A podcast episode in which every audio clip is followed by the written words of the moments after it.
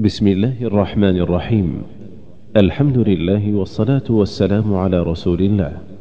أيها الإخوة الكرام السلام عليكم ورحمة الله وبركاته. وبعد. مؤسسة صدى التقوى بالرياض وبالتعاون مع تسجيلات التقوى الإسلامية يسرها أن تقدم لكم هذه المجموعة من الدروس بعنوان شرح الأصول الثلاثة لشيخ الإسلام محمد بن عبد الوهاب. لفضيلة الشيخ عمر بن سعود العيد. وذلك ضمن دروس الدورة الثانية المقامة بجامع العثمان بحي الحمراء بالرياض. نسأل الله أن ينفع بها المسلمين. والآن مع الشريط الأول. بسم الله والصلاة والسلام على رسول الله وعلى آله وصحبه ومن اهتدى بهداه. أما بعد فدرسنا حول أحد كتب شيخ الإسلام محمد بن عبد الوهاب رحمه الله تعالى. ذلك العالم الذي جدد من درس من معالم التوحيد في عصره وزمنه. ونفع الله بعلمه وبكتبه وبدعوته وبمنهجه فاستفاد الناس منه شرقا وغربا. بل ربما نقول وما من صقع من الأرض إلا وتجد له أتباعا وله طلابا وقد استفاد الناس من هذه الكتب استفادة عظيمة. وهذا يعطينا أيها الإخوة أنها علامة القبول. فإذا نشر الله علم الإنسان ووصل إلى القاصي والداني واستفاد الناس منها سلوكا عمليا ببصيرة وكتاب وسنة حصل للناس الخير في الدنيا وفي الآخرة. والشيخ محمد بن عبد الوهاب رحمه الله تتميز مؤلفاته بأنها سهلة ميسرة. ليس فيها شيء من التعقيد ولم يدخلها علم الكلام كما دخل بعض كتب الاعتقاد التي يدرسها الناس سواء في الجامعات أو يدرسها الناس دراسة موسعة وإنما كانت كتبه مجرد كتاب وسنة واستنباطات وفوائد. ويظهر ذلك واضحا في أكثر كتبه رحمه الله تعالى. فإنه ميزها بعدم التعقيد وإنما تتميز بسلاسة العبارة وسهولتها. وحين تقرأ في مؤلفاته وفي مؤلفات أئمة السلف المتقدمين ممن ألفوا في القرن الأول والثاني والثالث تجد أنها أن بينها نوعا من التشابه. هذه الرسالة وهي الثلاثة الأصول من الرسائل المختصرة المفيدة ولها قيمتها العلمية العظيمة خاصة وأن هذه الرسالة أصل فيها أصولا بل نقول جمع فيها مسائل الاعتقاد التي يجب على الإنسان أن يتعلمها فيما يتعلق بالرب وبالكتاب وبالدين وبهذا الإسلام.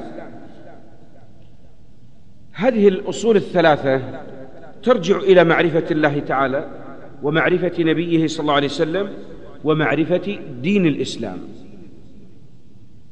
والعلماء رحمهم الله تعالى حين ذكروا ما يجب على المسلم ذكروا بعضهم يأتي بمطلق تعريف أو معرفة الرسول ومعرفة المرسل المرسل وهو الله ومعرفة المرسل به وهو الدين. وكل هذه تسمى مصطلحات متقاربة في اللفظ ويقال قديما لا مشاحة في الاصطلاح بعد فهم المعنى. من اللطائف أيها الإخوة وربما بعضكم لم يسمع به أو ربما نقول لم نتعلمه ولم نباشره. كانت رسائل الشيخ محمد بن عبد الوهاب تحفظ العامة رجالا ونساء ويتعرف ويعرفها الناس. وكان من المنهج السابق أن الناس إذا صلوا صلاة الفجر يعلمون ويحفظون جزءا منها فلا يخرج أحدهم إلى بيع ولا لشراء إلا بعد أن يسمع من الإمام ويحفظ منه. ولهذا كان الناس يرضعون العقيدة ويتربون عليها في بيوتهم وفي مساجدهم وهذا أمر واضح. ولهذا كان كثير من العامة يحفظون بعض هذه الرسائل حفظا مؤصلا. وإن كنت أقول نحن في زمن جهل الناس فيها مسائل الاعتقاد فضلا عن حفظ بعض من كتب العقيدة. وربما نجد بعضا من كبار السن عندهم من الحفظ للثلاثة الأصول وللقواعد الأربع ولآداب المشي للصلاة وغيرها من كتب الشيخ محمد بن عبد الوهاب تجد أنها عندهم حفظوها وتعلموا بعضا من مسائلها. حتى أنها وجد لها نوع من الأثر وأذكر خطيبا تخرج من الشريعة ألقى خطبة فقام أحد العامة لم يكن عنده شهادات ولا حفظ لمتون ولا غيره ثم أنكر عليه مسألة في الاعتقاد دقيقة وقال أظن هذه لا يمكن أن يقال بها ولا ينطق وسبحان الله لما سأل واستفتى وجد أن هذا العام عنده من المعرفة أكثر من من حملوا شهادات عليا مما يدل على أن العقيدة الناس يحتاجونها. العلم إذا خرج من المسجد فلا شك أنه أبرك وأخلص وأنفع وأعظم دافعا لأن الإنسان لا يحتاج له شهادة يحملها ولن يرجو من ورائه وظيفة يجري من ورائها دينارا ولا درهما وإنما جاء العلم قصدا يعني رغبة في العلم لذاته. وما أحوج الناس أن يربطوا ببيوت الله تعالى حتى يستفيدوا من العلم وكان هذا هو منهج لعلمائنا رحمهم الله تعالى. وكان من سنة العلماء السابقين واللاحقين التعليم في المساجد والتدريس وتمكين ذلك وكل وهذا ووجدت ثماره واضحة على الطلاب أكثر من ثمار الدراسات النظامية التي درسها. الناس في واقعنا المعاصر. كنا يوما مع شيخنا الشيخ عبد الرحمن البراك في محاضرة وعرض عليه سؤال ما الفرق بين التعليم السابق والتعليم المعاصر الذي يعيشه الناس في أروقة المعاهد والكليات وغيرها؟ وكان يحكي أيام دراسته على الأئمة الكبار لما كان شيخنا ابن باز رحمه الله في في الخرج والدلم وكان العلماء في الرياض قد فتحوا دروسهم الشيخ محمد بن إبراهيم رحمه الله ومن قبله إلى غيره. فقال يعني من باب المقارنة ضعف العلم لما دخلت الدراسات النظامية. وذلك لأن العلم كان سابقا كان الطالب يلزم بحفظ المتون وكان الطالب بين يدي شيخه لا يخرج عنه إطلاقا. فهو يدرس ويحضر دروسه الفجر والضحى وبعد المغرب العصر وبعد المغرب حتى أن هناك دروس بعد الظهر وبعد العصر وبعد المغرب وبعد العشاء.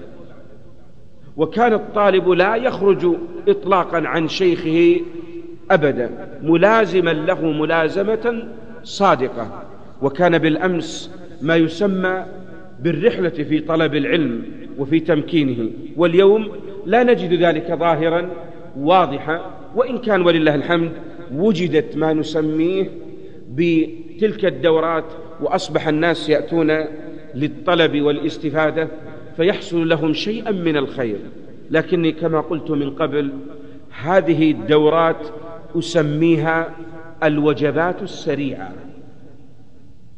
فهي لا تخرج عالما وطالب علم بذاتها لأنها قصرها أياما معدودة في, في الإجازات ثم ينقطع الإنسان سنة بكاملها حتى تأتي إجازة أخرى.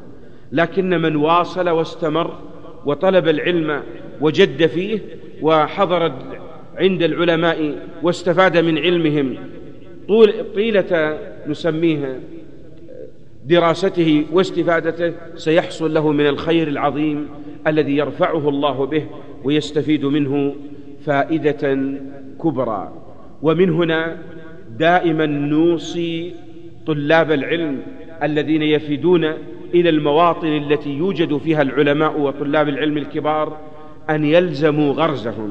فمن يأتي كمثال إلى الرياض أو إلى القصيم أو إلى بعض المناطق التي تميز فيها بعض من العلماء وطلاب العلم نوصيهم بألا يغيبوا عن الحلقات إطلاقا فالدراسات الجامعية لا تخرج عالما ولا طالب علم وإن حصل على شهادات عليا وامتزازا في تلك الشهادات فإنه يصبح متخصصا في جزئية يسيرة لا يستفيد كمن كمثل من جثى بركبتيه بين يدي العلماء وطلاب العلم استفاد من علمهم.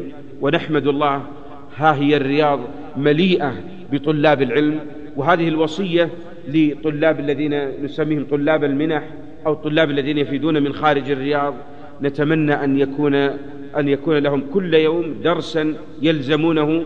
وإن كان الأولى أن يكون لهم عددا من الدروس في خلال يومهم ويقيدون الفوائد ويستفيدون فينفعهم الله ثم يرجعون إلى قومهم يعلمون ويفيدون. وأذكر كمثال بسيط طالبا قدم إلى الجامعة الإسلامية وأظنه قدم من إحدى المناطق من بنغلاديش أو من غيرها ولم يكن كان جاء من قرية كانت القبور تعبد ويطاف بها وكان عندهم بعض من مظاهر الشرك والانحراف تعلم في الجامعة ثم رجع إلى قومه فتحولت قريته كلها سلفية في المعتقد. نفعه الله واستفاد ونقل لغيره العلم مما استفاده من العلم. كما قال الله تعالى فلولا نفر من كل فرقة منهم طائفة ليتفقهوا في الدين ولينذروا قومهم إذا رجعوا إليهم. لكن من الأمر المهم ما تعلمته من العلم لن تستطيع أن توصله بمجرد أن تقف في وجوههم. هذا حلال وهذا حرام هذه بدعة وهذا انحراف وهذه سنة وغيرها وإنما نستطيع أن نوصل إليهم بما امتن الله به على رسوله صلى الله عليه وسلم بقوله فبما رحمة من الله لنت لهم. ولو كنت فظا غليظ القلب لانفضوا من حولك. بالخلق والأدب والأسلوب الأمثل سيكون له الأثر الكبير في نفع الناس وإيصال الخير إليهم. من السهل أن نقول هذه بدعة وهذا ضلال وهذا انحراف وأنت مبتدع لكن المقصود أن يعمل الإنسان بالحق وأن يمتثلوه. ولهذا جاء الإسلام بدعوته مع الخلق وأثنى الله على رسوله صلى الله عليه وسلم بقوله وإنك لعلى خلق عظيم. نعم. بسم الله الرحمن الرحيم. الحمد لله رب العالمين والصلاة والسلام على رسول الله وعلى آله وأصحابه أجمعين. اللهم اغفر لنا ولشيخنا وللحاضرين والمستمعين. برحمتك يا أرحم الراحمين. أما بعد قال الإمام شيخ الإسلام ومجدد دعوة التوحيد محمد بن عبد الوهاب بن سليمان التميمي المتوفى سنة ست ومائتين وألف من الهجرة في رسالته المسمى بالأصول الثلاثة وأدلتها. قال رحمه الله تعالى بسم الله الرحمن الرحيم.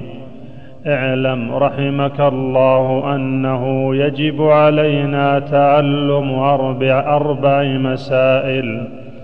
الأولى العلم. وهو معرفة الله ومعرفة نبيه صلى الله عليه وسلم ومعرفة دين الإسلام بالأدلة. بدأ المؤلف رحمه الله تعالى ب البسمله والبداءة بالبسملة كانت منهجا لأئمة السلف في كتبهم وفي رسائلهم. وقد ذكر العلماء رحمهم الله تعالى السبب في البداية بالبسملة قالوا اقتداء بكتاب الله تعالى فكل سورة تبدأ ببسم الله الرحمن الرحيم.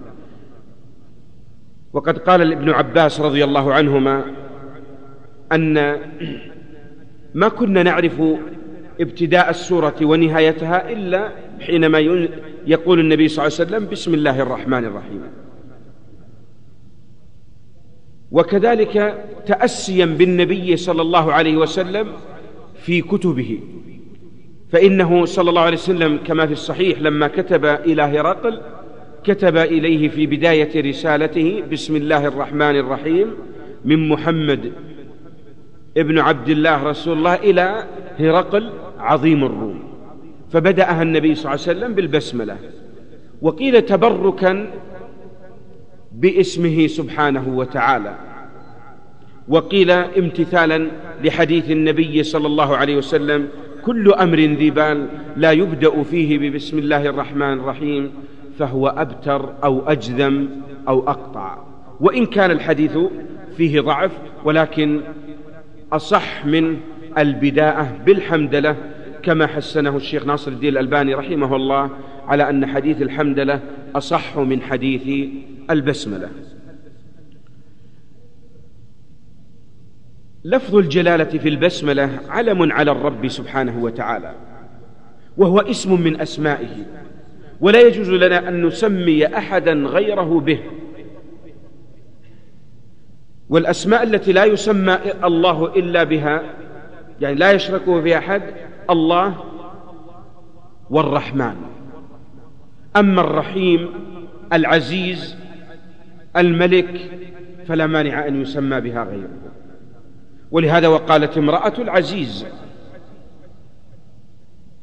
ويجوز أن نسمي أحدا من البشر بأنه الملك. والله ذكر عن رسوله صلى الله عليه وسلم بالمؤمنين رؤوف رحيم. قال العلماء إن لفظة أو اسم الله ترجع إليه جميع أسماء الله تعالى وصفاته. فنقول الله السميع الله البصير الله المتكلم. فرجعت الأسماء جميعا إلى هذا الاسم. اختلف العلماء هل الله مشتق أم أنه جامد. وقيل إنه إذا من قال إنه مشتق قال إنه من أله يأله ألوهة.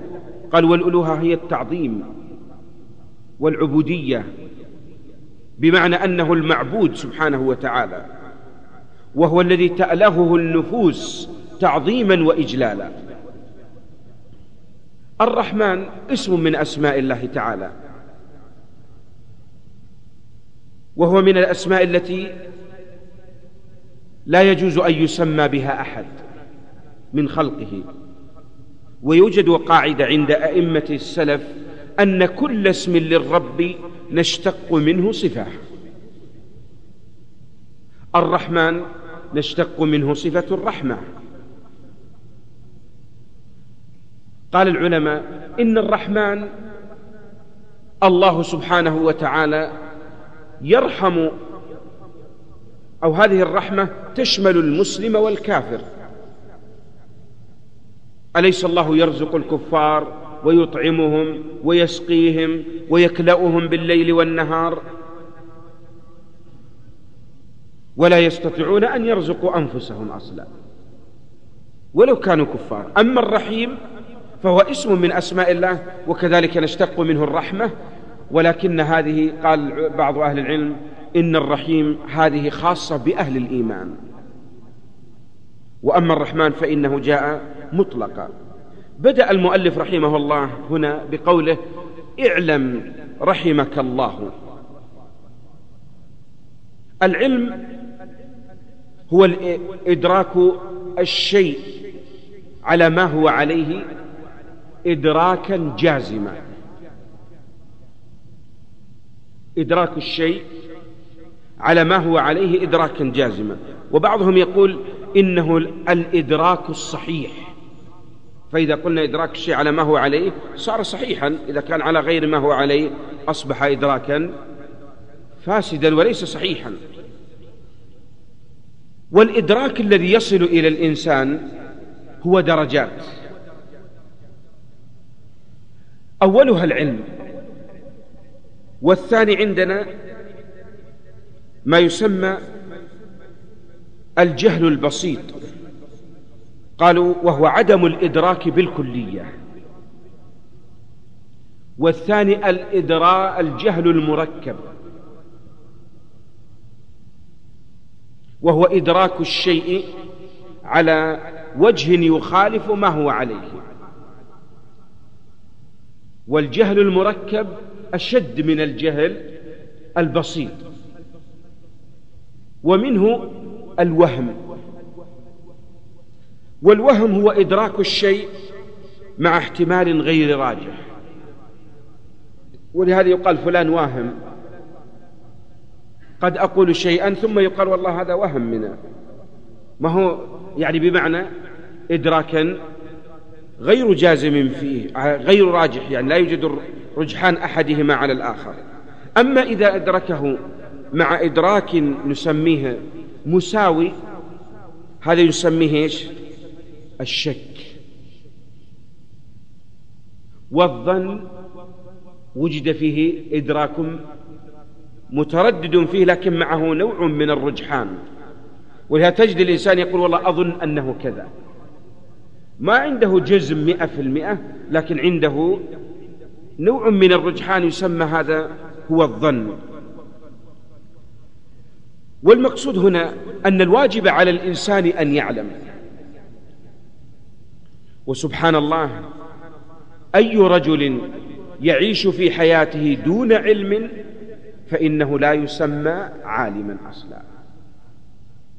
ولا يصل إلى الحقائق التي يمكن أن يستفيد منها سلوكا عمليا أيا كانت تلك العلوم.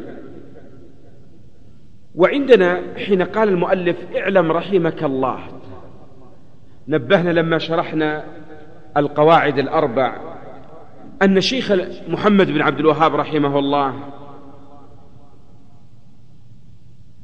حين تقرأ في كتبه تشعر بأنه يعلم الناس من قلب صادق ويريد للناس الخير. والدليل عليه أنه دعا لنا في أول الأمر اعلم رحمك الله. هل ليست هذه دعوة؟ بأن تكون مرحوما وما يدعو لك إلا محب. ونشم منه أيها الإخوة وهذه تتميز به أن العالم إذا اشتمل علمه على الدعوة تجد أن أسلوبه في العرض وفي التأليف وفي الإلقاء وفي التوجيه وفي النصح يختلف عن العالم الذي لا يباشر الدعوة إلى الله تعالى. يوجد من العلماء وإن كان العلم حقيقة هو دعوة. يعني كل إنسان يدرس الناس هو نوع دعوة. لكن هناك فرق بين الذي يباشر الدعوة مباشرة كاملة ويشعر بأثرها كما سيأتي من الابتلاء والسب والتنقص والاعتراض عليه. فستجد أنه يحاول دائما أن يوصل الخير إلى الناس بأي أسلوب كان. ولهذا رحمه الله دعا لنا هذه الدعوة العظيمة. ونسأل الله أن يرحمنا وإياه يقول اعلم رحمك الله تعالى. تعالى مقصودا بها تعظيم الله تعالى وأنه المستحق للعلو سبحانه وتعالى. وهنا قال العلماء إن العلو في أصله ينقسم إلى ثلاثة أقسام. علو ذات وعلو قدر وعلو قهر. علو الذات إذا سئل الواحد منا أين الله؟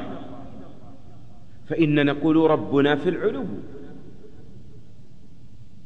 وإن والنبي صلى الله عليه وسلم لما سأل الجارية قال لها النبي أين الله؟ قالت في السماء أشارت بأصبع.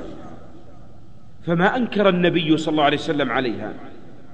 بل قال النبي صلى الله عليه وسلم أعتقها فإنها مؤمنة. ويفهم منه أن إثبات صفة العلو لله تعالى علامة الإيمان في القلب. وربنا هو العلي الأعلى. فوق سماواته مستو على عرشه عال على خلقه.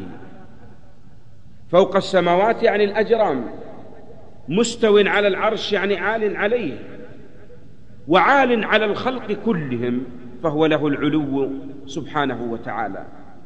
والعلو صفة كمال. ولهذا عندنا الآن في تخاطبنا ولله المثل الأعلى عندما تأتي يطلب منك إنسان شيء تقول على رأسي. ليه؟ لأنه أعلى شيء عندك. وعندنا عادة على ها خشمي. يعني أنا أمتثل لك. ولماذا قالوا لأن الأنف يشمخ به الإنسان؟ وما أجمل كلام ابن عباس رضي الله عنهما لما أخبر عن قوم ينكرون القدر قال لئن أمكنني الله لأعظن أرنبة أنفه لكناية عن الإذلال؟ وربنا في العلو سبحانه وتعالى. قال الإمام ابن القيم والعجب ممن ينكرون صفة العلو. وقد جاء من النصوص في الكتاب والسنة أكثر من ألف دليل على علو الله تعالى. لو أنكرت واحدا وعشرة ومئة كيف تنكر ألف دليلها؟ وكيف تستطيع أن تؤولها؟ هذا نسميه علو الذات. وعلو الثاني علو القدر والمنزلة. الله له المنزلة في قلوب عباده وله القدر. وما قدر الله حق قدره.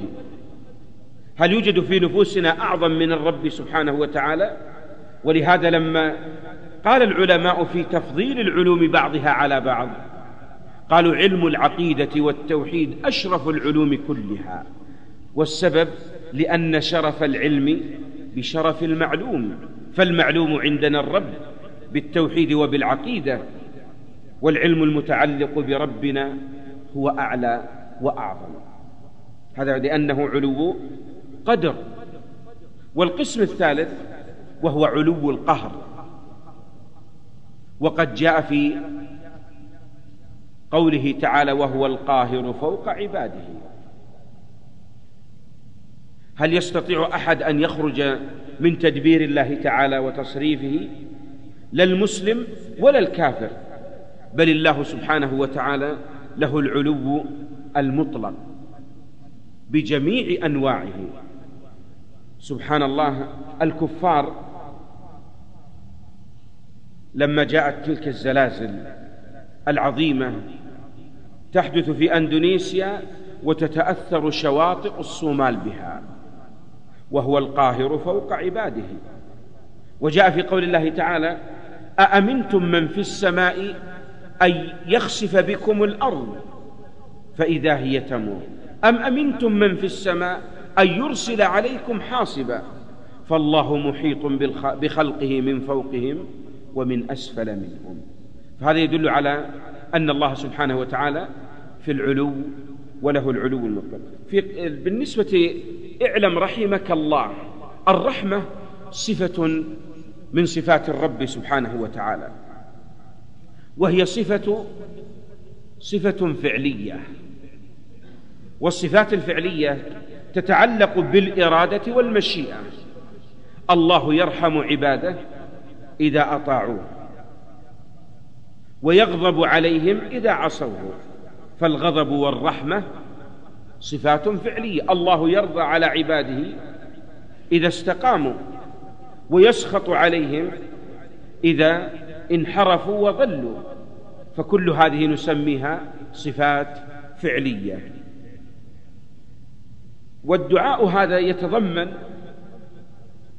اعلم رحمك الله تعالى أي يدعو لنا المؤلف رحمه الله أن يفيض الله علينا من رحمته. ومن وصلته هذه الرحمة نجا من عقوبة الله تعالى. لقول النبي صلى الله عليه وسلم لن يدخل أحدكم الجنة بعمله. قالوا يا رسول ولا أنت يا رسول الله. قال ولا أنا إلا أن يتغمدني الله برحمة منه. إذا كان محمد صلى الله عليه وسلم يرجو رحمته ربه فمن دونه من باب أولى. وهنا أنبه على مسألة أيها الأحبة. ينبغي لك دائما في نصحك وفي توجيهك وفي دعوتك أن تحفها بدعوات صادقة. ولذلك إذا نصحت أسأل الله أن يرحمك يرحمني وإياك وأن يغفر ذنبي وذنبك. تطلب منه وتحفها بدعوات حتى يحصل لك الخير لك ولغيرك مؤلف رحمه الله حين دعا لغيره نقول دعا لنفسه كذلك. والسبب من دعا لغيره فإن هناك ملكا يقول له ولك بمثله. فكأنك حين تدعو لغيرك تدعو لنفسك أنت. وإن كان رحمني الله وإياك يحصل فيها الخير لك ولغيرك. ذكر المؤلف رحمه الله تعالى بعدها اعلم رحمك الله أنه يجب علينا. الوجوب في أصول الفقه ما يثاب فاعله ويعاقب تاركه. هذا الأمر الواجب. وذكر المؤلف رحمه الله أن هذه المسائل واجبة دليل على أنها أمور مهمة. ليست مستحبة وفضلة. الآن تجد بعض الناس تقول له يعني في بعضهم لماذا لا تصلي السنن الرواتب قال يا أخي غير واجب. لكن هل يستطيع أن يقول حين نقول له لماذا لا تصلي صلاة الفجر؟ أن يقول هي غير واجبة؟ لا. لأن هذه جاءت النصوص بالأمر بها. فهو ما يثاب فاعله امتثالا للشرع. يعني حين يفعل الإنسان هذا العمل ممتثلا لشرع الله تعالى فإنه يثاب عليه. لكن إذا فعلها قهرا وإجبارا فهو لا يثاب. برئت ذمته باعتبار أنه أدى ما عليه ظاهر. لكنه لم ينتفر. والمنافق كذلك حين يصلي الصلاة ما يثاب عليها لأنه هل فعلها امتثالا؟ أم أنه كما قال وإذا لقوا الذين آمنوا قالوا آمنا. شاف الناس رأى الناس دخلوا المسجد دخل استحياء وإلا هو ما يريد الصلاة أصلا فلا يثاب عليها أصلا. وما يعاقب على تركها اختيارا يعني أنه حين تركها تركها اختيارا هذا يعاقب عليه. لكن لو تركها بسبب مرض أو غيره أو قهرا أو اجبارا فهذا لا يعاقب عليه ولا أن ترك هذا الشيء. ذكر أنه يجب علينا الخطاب لمن؟ الخطاب لكل مسلم ومسلمة. وهذا الوجوب إنما يكون على المسلمين أما الكفار فإنه يجب عليهم امتثال فروع الشرع. كفار مطالبون بفروع الشريعة. لكنها لا تصح منهم عندما يفعلونها لأنها ليس لهم نية في الفعل. فلو دخل علينا رجل كافر ثم رآنا نصلي تحية المسجد فصلى. تقبل منه؟ لأنه ليس بمسلم ما يقبل منه هذا الفعل. لكن المسلم هو الذي يقبل منه. ذكر المؤلف قال يجب علينا تعلم أربع مسائل. المسائل جمع مسألة. وسميت مسائل العلم مسائل. قالوا لأنها يسأل عنها. فما يسأل عنه يسمى مسألة. ولهذا قد يكون السؤال مباشرا وقد يكون أمورا يسأل عنها. الآن أليس الإنسان في قبره يسأل عن ربه؟ وعن دينه وعن نبيه. وشيخ الإسلام ابن تيمية رحمه الله في لاميته قد قال يا سائلي عن مذهبي وعقيدتي رزق الهدى من للهداية يسأل. يعني من يريد أن يسأل وقصده الخير والعلم سيرزق الهداية. والله قال لرسوله وإنك لتهدي إلى صراط مستقيم. والناس في حاجة إلى أن يسألوا ربهم دائما الهداية. ذكر المؤلف رحمه الله قال يجب علينا تعلم أربع مسائل. ذكرت لكم يعني أن العلم يقصد به يعني أن ما كان علما صحيحا يعني اعتقادا جازما راسخا متمكنا. هذه المسائل الأربع تشمل الدين كله. وهي جديرة أن يعتني بها طلاب العلم وأن يهتموا بها. ويجب على طلاب العلم أن يتعلموها بل نقول أن يحفظوها ويتعلموها ويعلموا غيرهم بها. أول هذه المسائل ما هي؟ ها العلم بدأ المؤلف بقضية العلم وكررها. العلم هو أفضل ما تقضى فيه الأوقات. والعالم أو طالب العلم يؤجر على كل شيء ما دام همه ذلك الطلب. ولهذا أهل العلم هم أعلى الناس منازل. يرفع الله الذين آمنوا منكم والذين أوتوا العلم درجات. أهل العلم هم أعظم الناس خشية لله. إنما يخشى الله من عباده العلماء. أهل العلم يصلون إلى الجنة بأيسر الطرق. من سلك طريقا يلتمس فيه علما سهل الله له به طريقا إلى الجنة. وهنا نقول أيها الإخوة هل نحن نستشعر عندما نحضر درسا أو محاضرة أو غيره أننا نمشي في طريق الجنة؟ نتأمل الذي وقصته ناقته رضي الله عنه وأرضاه. يقول فيه النبي صلى الله عليه وسلم يبعث يوم القيامة ملبيا. لا زال مستمرا في الحج. الناس يخرجون من قبورهم في فزع وهلع. وهو يخرج ينادي لبيك اللهم لبيك. وطريق العلم وطريق الطلب من أعظم الطرق الموصلة إلى الجنة. العلم هو خير ما يشتغل به الإنسان في حياته. وسبحان الله تكلم شيخ الإسلام ابن تيمية لما ذكر أهل الحديث وما بذلوه في إعلاء أو في حفظ سنة النبي صلى الله عليه وسلم ذكر أمورا عجائب. الناس في بيعهم وشرائهم وهؤلاء في كتبهم وعلمهم.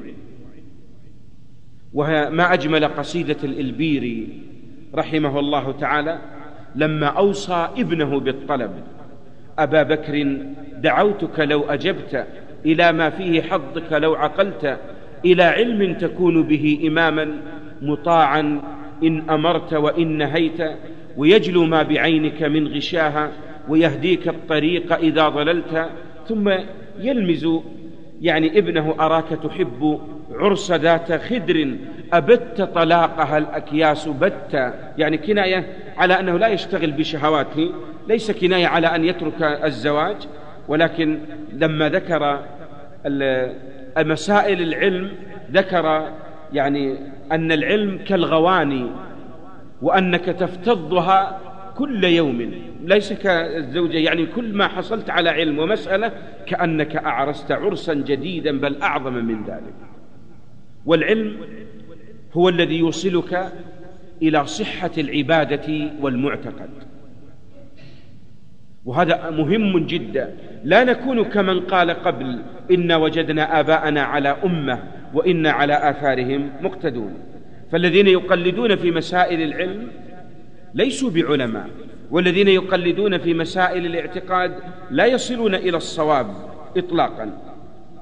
ولهذا كان تعليم العلم وتعلمه سنة في في سلفنا بل هو منهج نبينا صلى الله عليه وسلم.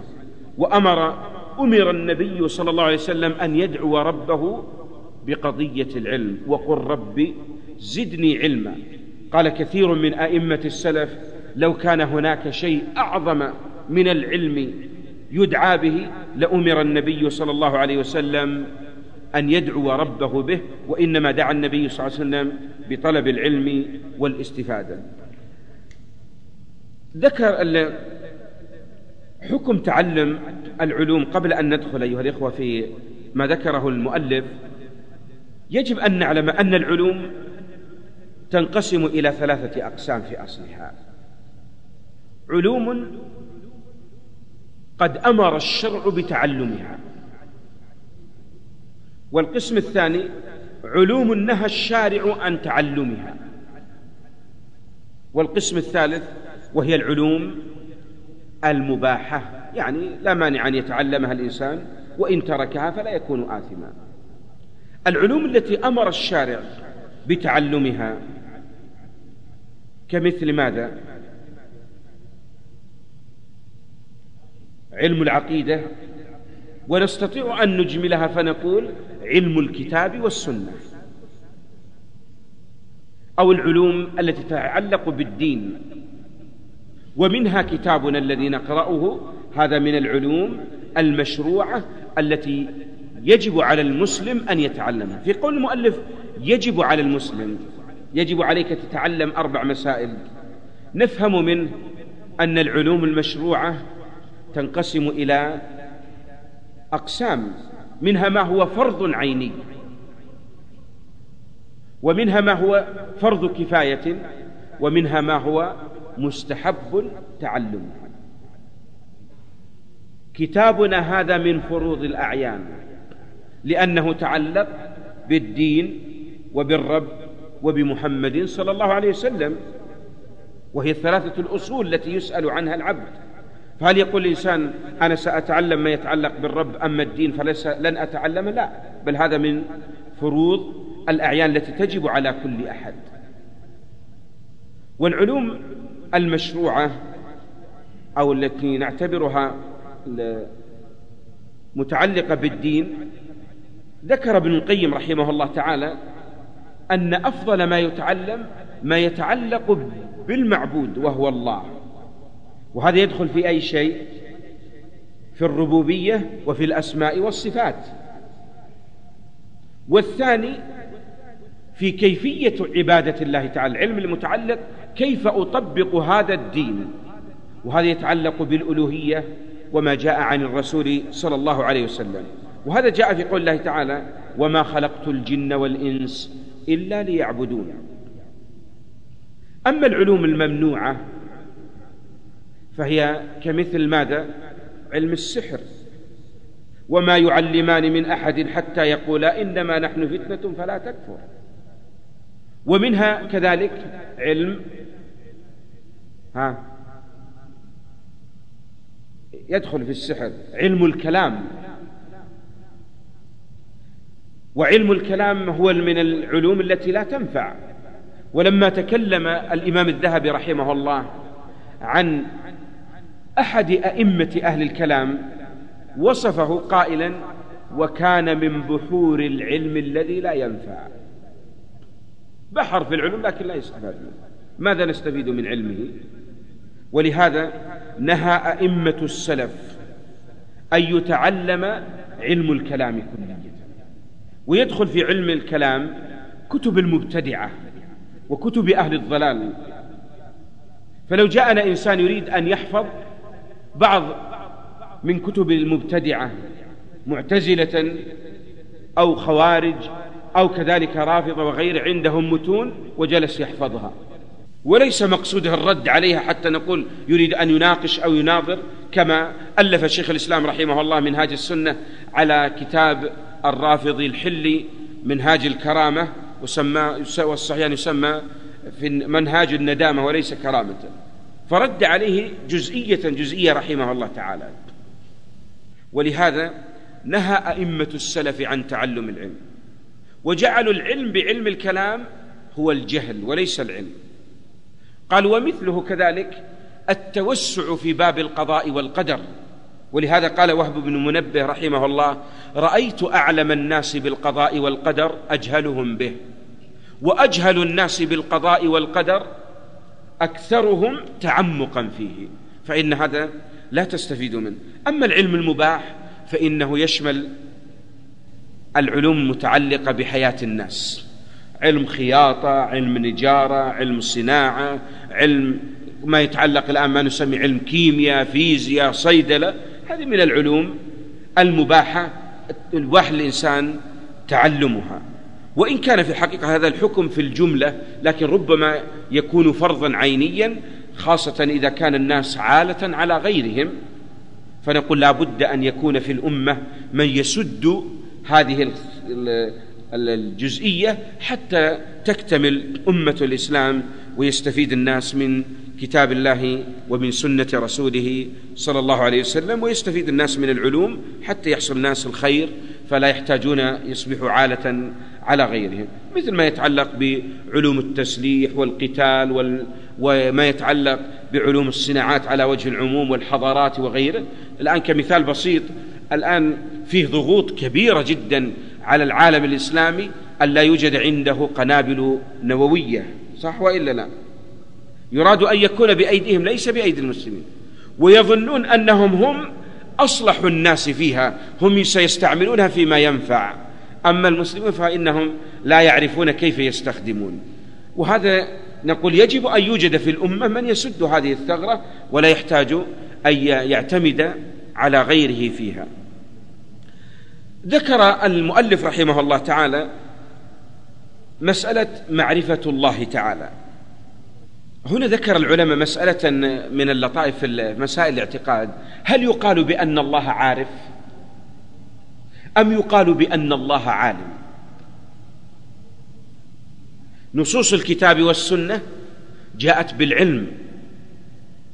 وصف الله بالعلم والله عالم الغيب والشهادة. والسبب قالوا لأن المعرفة يسبقها جهل. ولهذا المؤلف ذكر لنا يجب علينا معرفة الله.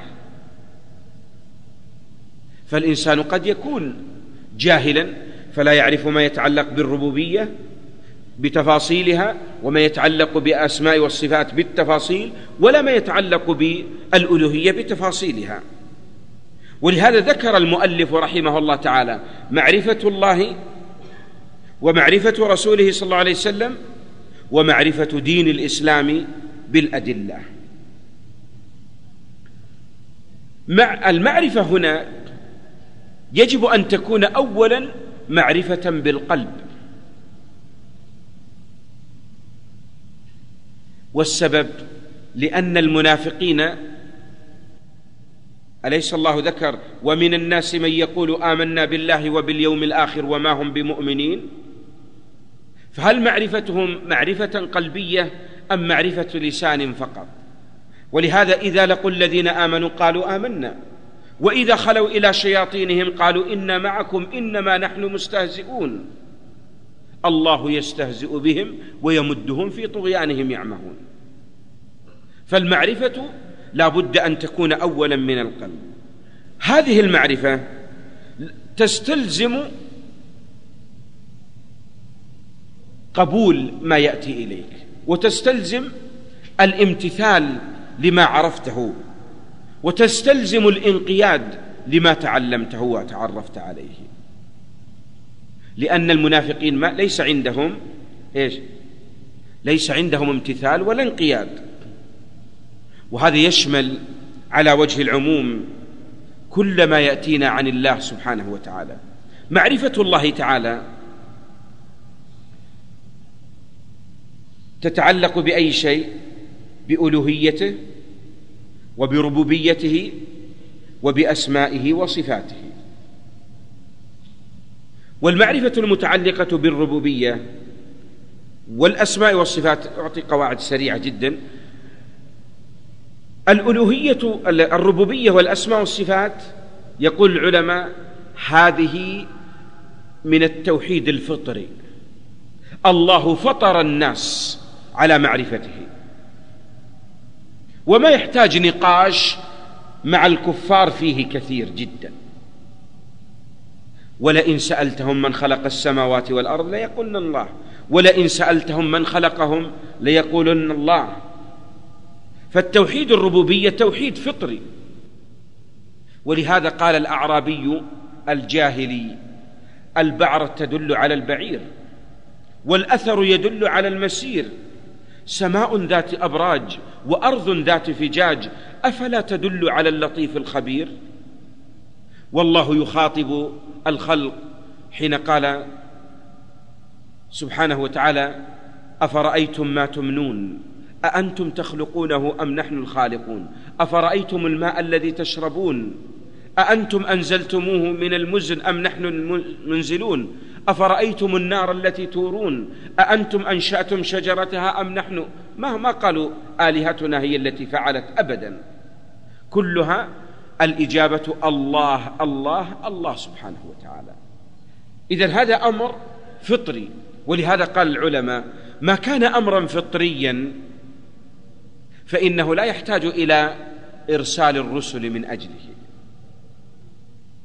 وإذا تتبعت دعوة الأنبياء عليهم الصلاة والسلام من نوح إلى محمد ما كانوا أو ما أرسلوا من أجل تقرير توحيد الربوبية.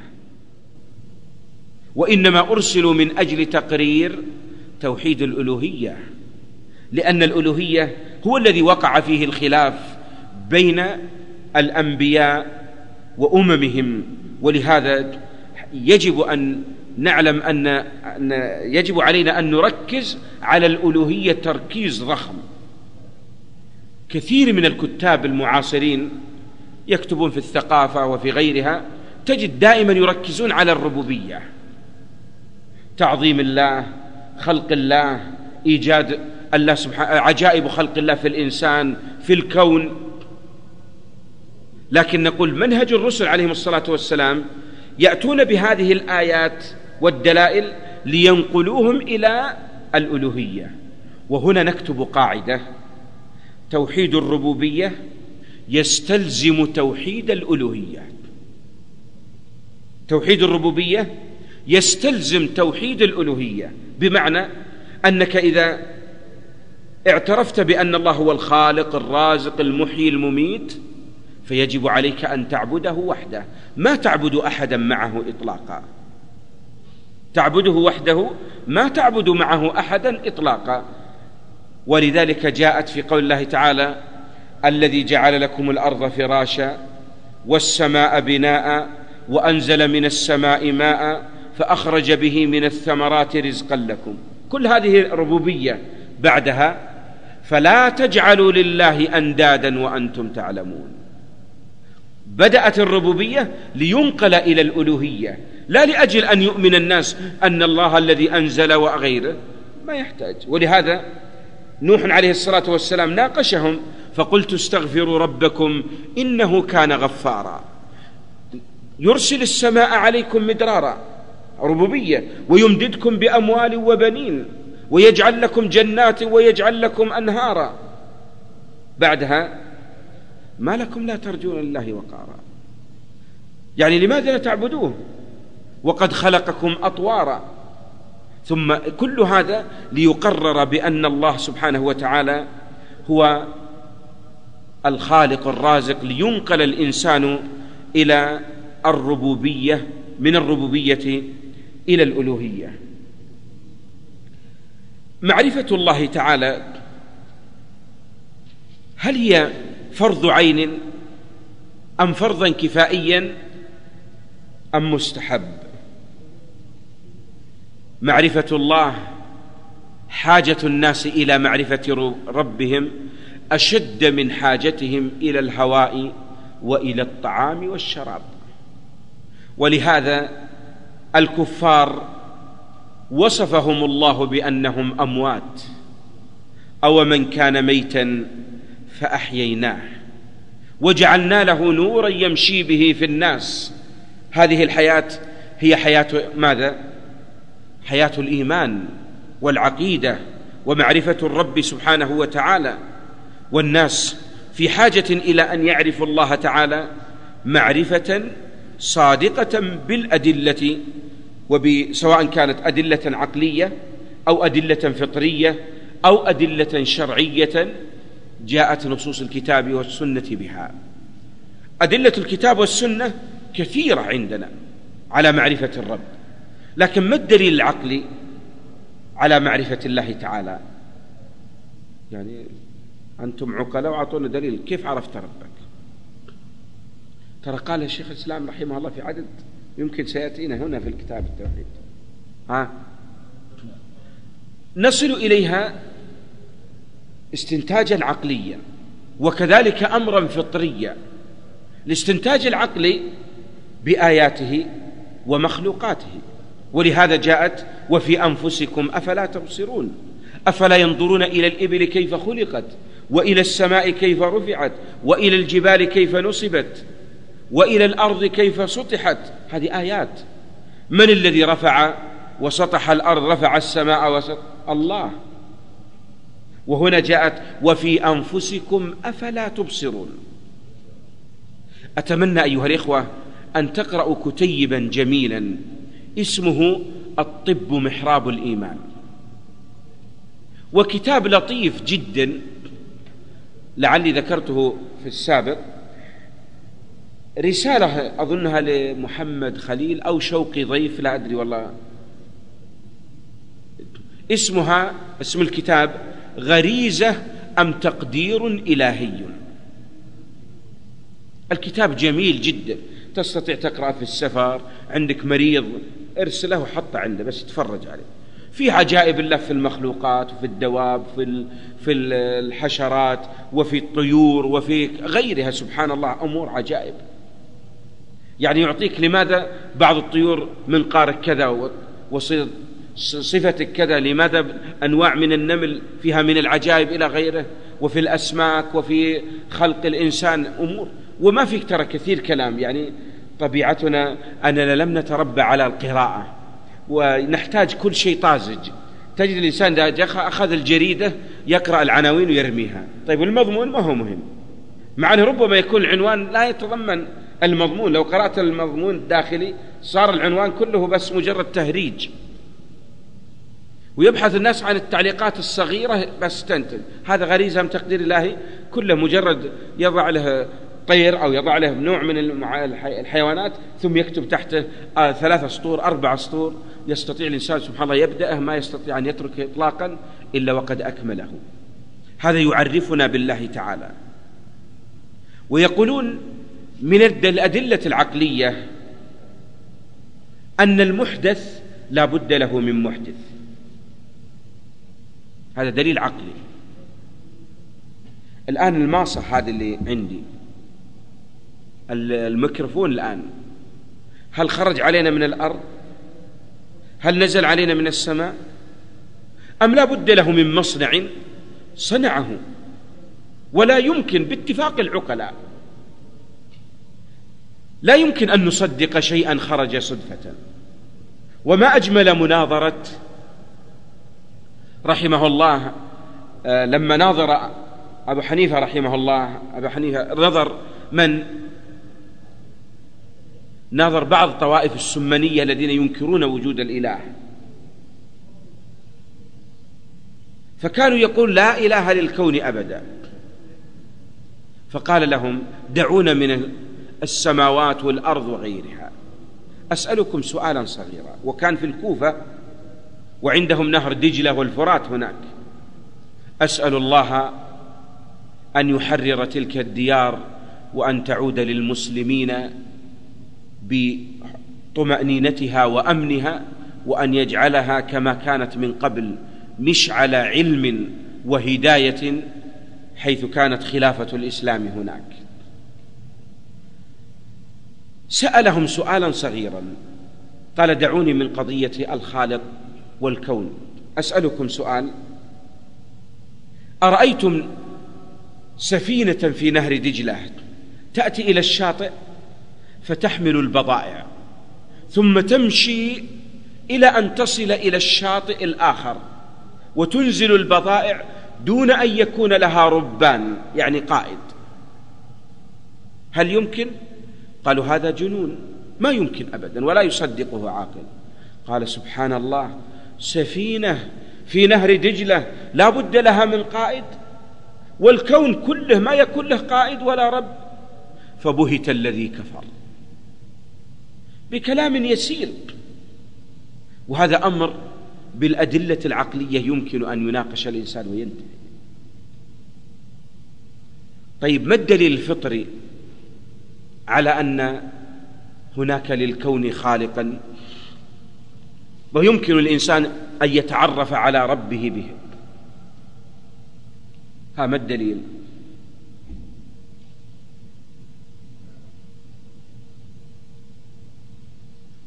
اليدين هو رفع لا في شيء غير رفع ها؟ الأنعام كيف؟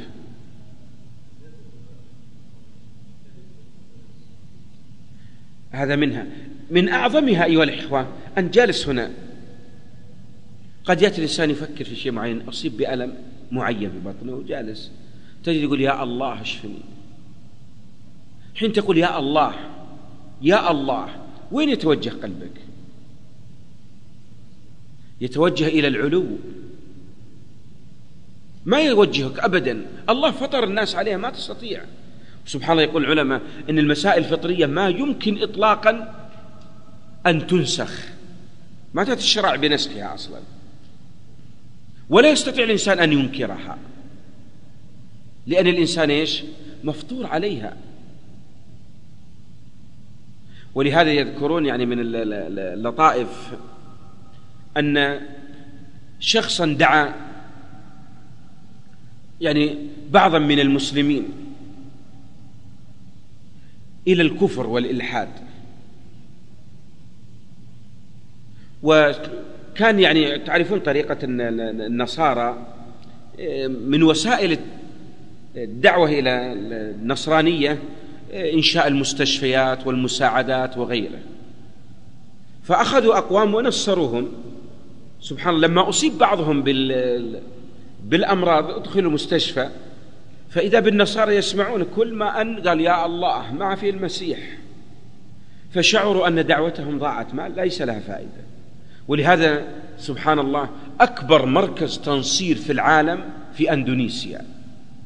وأفشل مركز تنصير في العالم هو ذلك المركز. خسروا عليه مليارات. وإن كان نقول قد وجد يعني بعض ممن تنصر لكن لا زال الناس على إيمانهم وعلى توحيدهم. وتذكر طرفة كان في مصر يعني بعض من المنصرين فلما كانوا قالوا تنصروا وحملوا جنازة كانوا يمشون بها فكان أحد الذين كان نصرانيا ومعه الحضور نادى وحدوه فقال الناس لا إله إلا الله فأصبح النصارى عرفوا أنهم ما أفلحوا بشيء لا زال عندهم رصيد داخلي وهو التوحيد. أما الأدلة الشرعية على هذا الأمر فإنه كثير أنها كثيرة ولله الحمد في كتاب الله وفي سنة رسوله صلى الله عليه وسلم. توحيد الألوهية الربوبية والأسماء والصفات هذا توحيد فطري. ما يحتاج ترى توحيد الأسماء والصفات كثرة نصوص وبيانه. ليه؟ هل يمكن أن تعبد ربا ناقص؟ ما يمكن أبدا. بعقلك وفطرتك لابد أن يكون الإله كامل. ولهذا الله رد على من؟ على الذين عبدوا العجل. أولا يرون أنهم إيش؟ لا يسمع لهم قولا. ما يسمع. ولا يرد لهم إبراهيم عليه الصلاة والسلام قال فاسألوهم إن كانوا ينطقون. لما سألوا من فعل هذا بآلهتنا يا إبراهيم؟ قال كبيرهم. هذا الكبير هو اللي فعل. ما دام إله وطبيعة الآلهة تتخاصم. الآن الآلهة يحدث بينها عراك. ولذلك الله قال ما اتخذ الله من ولد وما كان معه من إله. إذا لذهب كل إله بما خلق. ولعلى بعضهم على بعض يعني قاتل بعضهم بعض. إبراهيم استنتج هذا قالوا من فعل؟ قال كبيرهم هذا ما يريد إلا يكون هو الأكبر الباقين تركهم ما يريده فاسألوهم إن كانوا ينطقون. هم يعاشوا مع الآلهة مئات السنين وما سمعوا لها كلاما. ما وصفت بالنقص فدل على أن من لا يتكلم لا يصبح إلها. من لا يفعل لا يصبح إلها. من لا يخلق لا يصبح إلها. فطري. وهذا من رحمة الله تعالى. فالإله لا بد أن يكون هو الكامل من كل وجه. بأسمائه وصفاته وربوبيته. هل معنى هذا ما وجد من أنكر الربوبية؟ نقول بلى وجد. ومن الطوائف التي أنكرت ذكرونا أولا قائدهم فرعون. ألم يقل أنا ربكم الأعلى؟ ألم يقل ما علمت لكم من إله غيري؟ الثاني عندنا من؟ النمرود. ألم تر إلى الذي حاج إبراهيم في ربه؟ أن آتاه الله الملك. إذ قال إبراهيم ربي الذي يحيي ويميت. هذه صفات رب وإله. قال هذا الرجل أنا أحيي وأميت. ربك يحيي ويميت أنا أحيي. فجاء باثنين قتل واحدا وأبقى الآخر قال أحيد. قال إبراهيم فإن الله يأتي بالشمس من المشرق فأت بها من المغرب. فبهت الذي كفر. الثالث. ها؟ الدهريون. الذين قالوا ما هي إلا حياتنا الدنيا نموت ونحيا وما يهلكنا إلا الدهر. الرابع. الشيوعيون في زمننا الآن الذين يقولون لا إله والحياة مادة ما يوجد إله أصلا. هذه نسميها الطوائف التي أنكرت ربوبية الله تعالى ولكن في الحقيقة هم مقرون في الداخل. فرعون لقد علمت ما أنزل هؤلاء إلا رب السماوات والأرض. وجحدوا بها واستيقنتها أنفسهم ظلما وعلوا. وفرعون لما جاءه الغرق قال آمنت أنه لا إله إلا الذي آمنت به. طيب النمرود؟ فبهت الذي كفر. خلاص ما استطاع إجابة. علم بأنه لا ليس إلها. طيب والدهرية؟ ها من أين؟ والشيوعيون في زمننا يتقاربون في الحقيقة في داخل نفوسهم هم مقرون. يقولون سبحان الله من العجائب ما يسمى عندنا بغزو النجوم الآن المراكب الفضائية التي تدور حول العالم. أول مركبة صعدت هي الشيوعية لما نزل أولئك رجعوا فقالوا وهم يقول لا إله قالوا تبين لنا أن هذا الكون لا بد له من إله. ولا يمكن أن يوجد صدفة كما يقولون هم. أو الطبيعة هي التي أوجدت. صرحوا فهددوا فقالوا لا يوجد. ويقولون سبحان الله الذين يصعدون ويرون عجائب الكون. سبحان يرجعون وعندهم تأملات في الكون عجيبة جدا. يعني بمعنى عنده شيء من الرصيد الداخلي يحدوه إلى أن هناك إله خالق رازق لا بد أن يكون لهذا الكون موجدا دون أن ولو أنكروا ينكر الإنسان فطرته التي فطره الله عليها. توحيد الألوهية بالنسبة لتوحيد الربوبية عرف بتعريفين مشهورين. التعريف الأول إفراد الله بأفعاله. إفعال الرب وهي الخلق والرزق والإحياء والإماتة. التعريف الثاني ها إفراد الله أو الإقرار والاعتراف بأن الله هو الخالق الرازق المالك المتصرف سبحانه وتعالى. خالق أوجد من العدم الرازق هو الذي يعطي خلقه من نعمه وفضله. المالك يعني لا يخرج أحد عن ملكه إطلاقا. فذكرت هذه الأمور الثلاث لأنها تشمل أغلب أو تتعلق بأفعال الله سبحانه وتعالى. الآن عندنا في قول المؤلف رحمه الله تعالى معرفة الله تعالى. معرفة الله هي أشرف العلوم وأعلاها.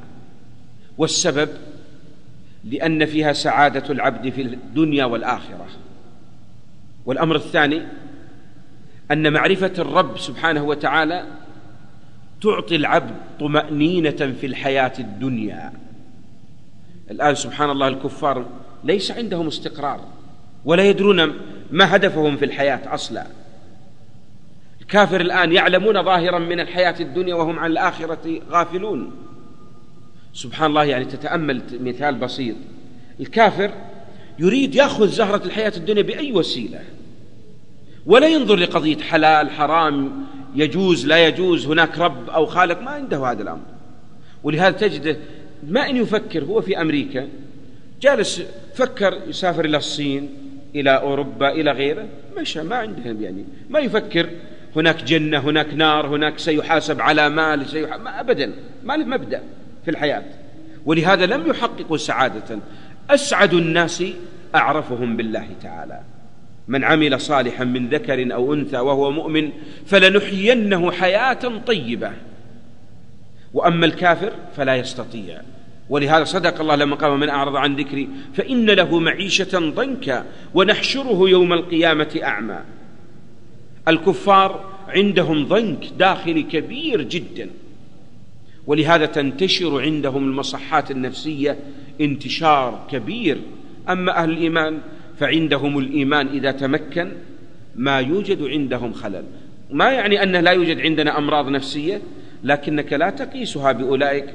عندي أرصدة أستطيع أن أرجع إليها ويصبح قلبي مطمئن اطمئنانا كليا. وهذا من فضل الله تعالى أن يوجد ذلك في القلوب. توحيد الألوهية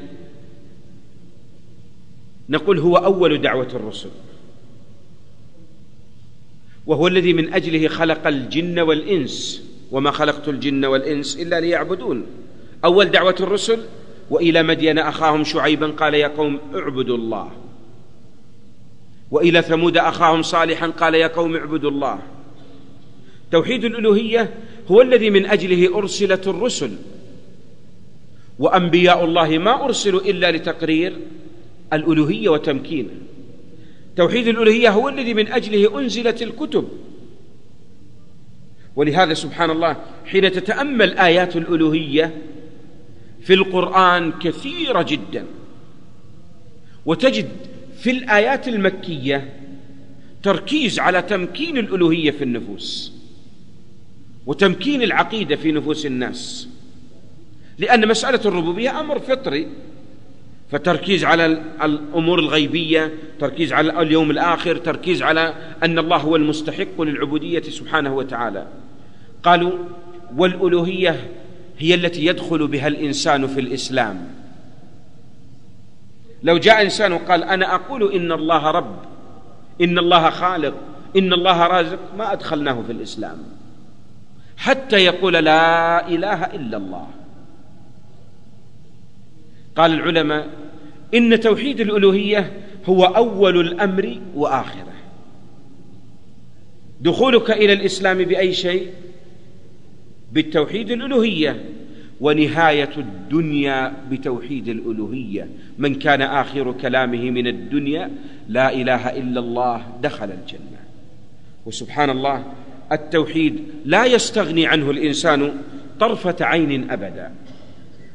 العبادات الأخرى الصلاة صلينا الفجر ما تطالبني إلا الظهر. صمنا رمضان ما تطالبني بها إلا رمضان آخر.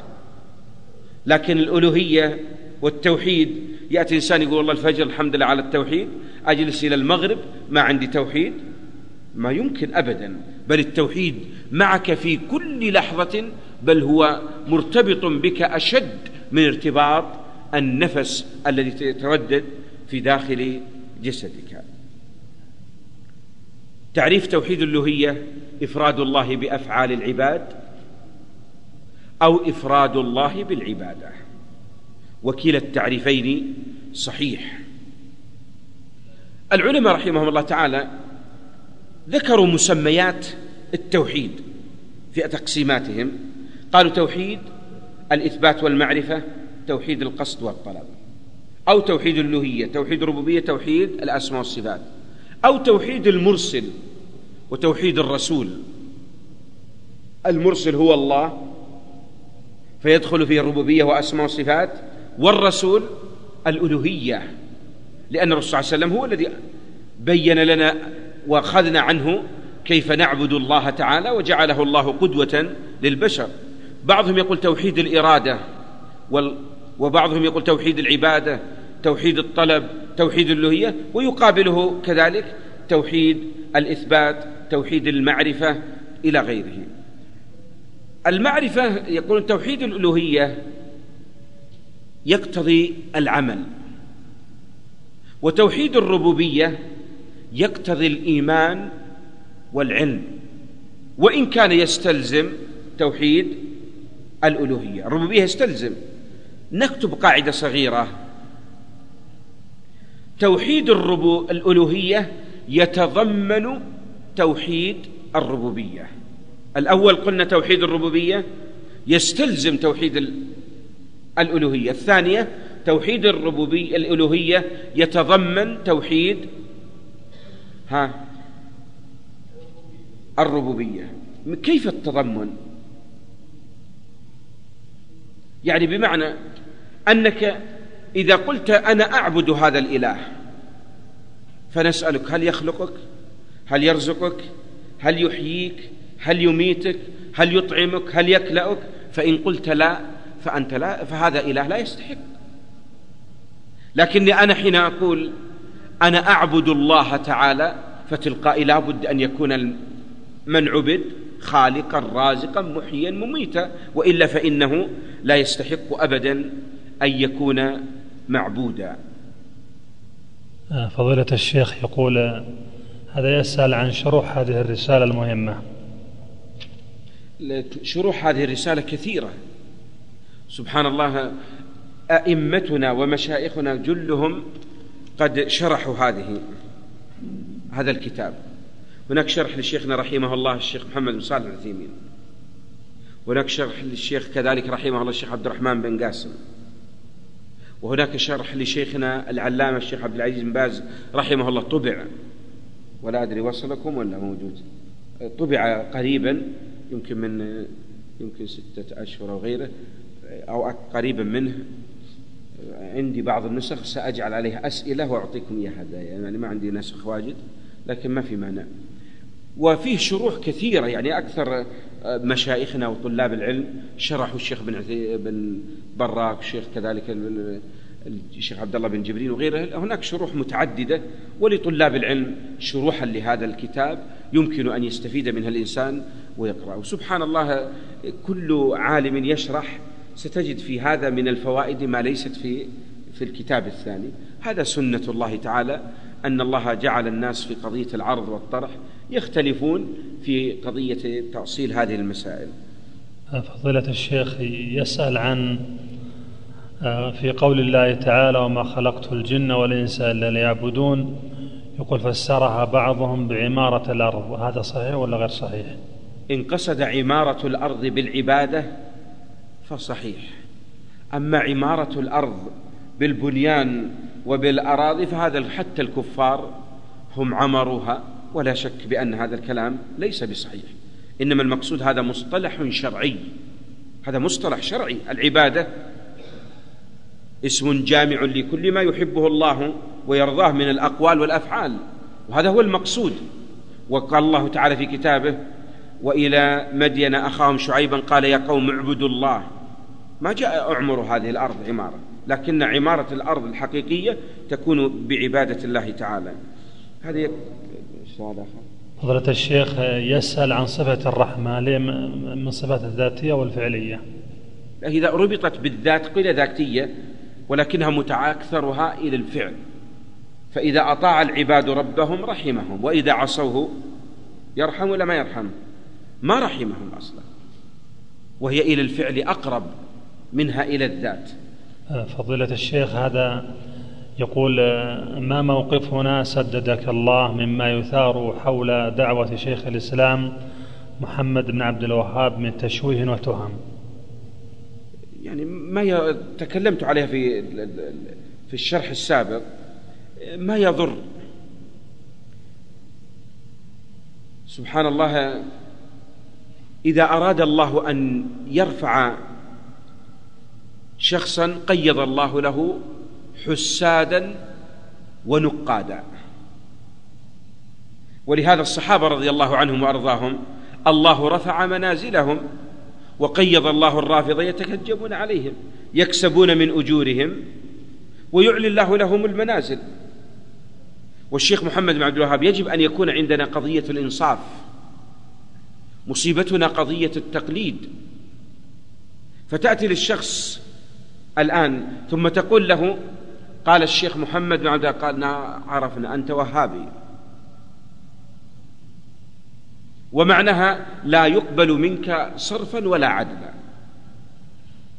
ولهذا كان مشايخنا في دار الافتاء على حياة شيخنا رحمه الله الشيخ بن باز وغيره طبعوا رسائل الشيخ فكتبوا محمد بن عبد الوهاب التميمي.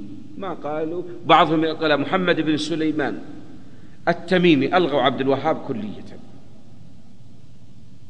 ثم وزعت قبلها الناس قرأوها ولم يجدوا فيها شيئا. لكن لما جاء مصطلح وهاب هم يتوهم وسبحان الله إني أعجب أيها الإخوة. كان المفروض أن تسمى إيش؟ بالمحمدية نسبة إليه. ووالد عبد الوهاب أصلا ما دعا إلى هذه الدعوة. ولكن التعصب ومن الغرائب اللطائف يعني قضية التعصب ذكرته لكم. كنت أقرأ في موسوعة من الموسوعات كتب الشيعة ترجموا للشيخ محمد شيخ الإسلام ابن تيمية. فقالوا وابن تيمية من كبار زعماء الوهابية.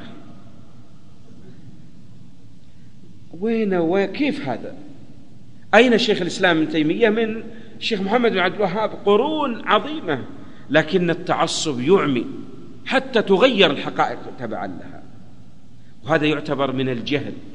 لكن من أخذ بكتاب وسنة سيجد. قلت لكم الشيخ محمد بن عبد الوهاب منهجه منهج السلف في التأليف.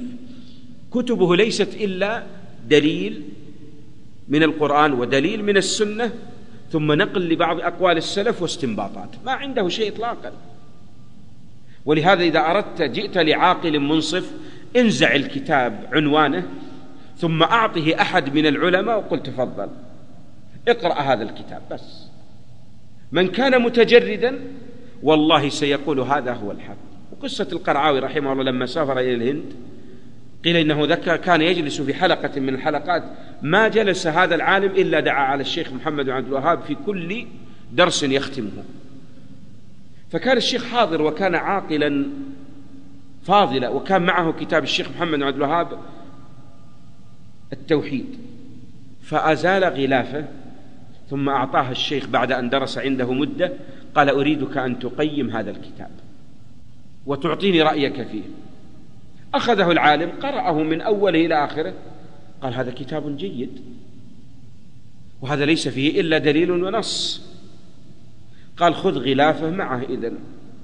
فأعطاه الغلاف فتعجب. كيف تعجب؟ لأنه كان يدعو على الشيخ. وانعكس أصبح كل درس يدعو للشيخ لا يدعو عليه. هذا وش يدل؟ أن التعصب يعمي ويصم ويجعل الإنسان لا يقبل. وهذا قاله ابن القيم لما ذكر من أنواع الطواغيت ذكر طاغوت التقليد. تأتي تقول يا أخي هذا عقيدة تخالف القرآن. قال يا أخي هذه عقيدة مشايخنا. هذه عقيدة بلادنا هذه عقيدة أئمتنا. أقول قال الله وقال رسول تقول عقيدة إمامنا لما قال ابن عباس؟ يوشك أن تقع عليكم حجارة من السماء. أقول قال الله وقال رسوله تقولون قال أبو بكر وعمر؟ هذا وهم الصحابة. ستنزل عقوبة من الله على هؤلاء لأنهم اعترضوا بأقوال الصحابة. وأيها ما أفضل الأئمة ولا الصحابة رضي الله عنهم؟ ومع ذلك يقول يوشك أن تقع عليكم حجارة من السماء. إذا الواجب الاتباع للحق. وتوجد يعني رسائل فيه رسالة جميلة للدكتور عبد العزيز عبد اللطيف دعاوى المناوئين لشيخ الإسلام الشيخ محمد بن عبد الوهاب. وألفت عدد من الرسائل دفاعا عن الشيخ رحمه الله لأنها ألفت رسائل في تكفيره. ومن أشد الناس عداوة لدعوة الشيخ محمد بن عبد الوهاب الأحباش. وغلاة الصوفية. وسبحان الله ترى أكثر الذين ينتقدون الشيخ رحمه الله عندهم إخلال في توحيد الألوهية. عندهم توسل عندهم الطواف بالقبور عندهم الذبح عندهم النذور وعندهم أمور كثيرة عندهم خلل. ولهذا الذين يركزون على توحيد الربوبية غالبا يحدث عندهم خلل في الألوهية سبحان الله. وقصة الفخر الرازي المشهورة لما مر يوما في طريق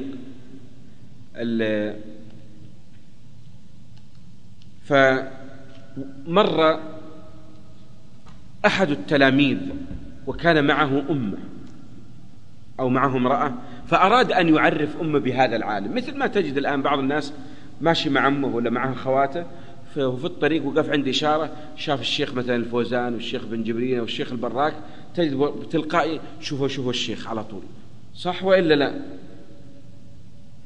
هو لما مر أراد أن يعرف قالت قال لها يعظمه هذا عنده ألف دليل على وجود الله تعالى. فقالت المرأة بفطرتها عامية والله لو لم يوجد في قلبه ألف شك ما احتجنا ألف دليل. يعني لو قلت لكم أعطوني ألف دليل على أن الشمس طالعة الآن إيش الحاجة؟ ناظرها بعيونك وينتهي الإشكال. إيش طالبني بها صح وإلا لا؟ وهذا يعطينا أن الذين يركزون على الألوهية الربوبية دائما تركيز ضخم لا لينقلوه إلى الألوهية وإنما ليقرروه للناس عندهم خلل في عندهم الحلف بغير الله عندهم التعليق التمائم عندهم التوسل عندهم كذا عندهم. سبحان الله لأنهم ركزوا على جانب وأخلوا بالجانب الذي جاءت بدعوة الرسول.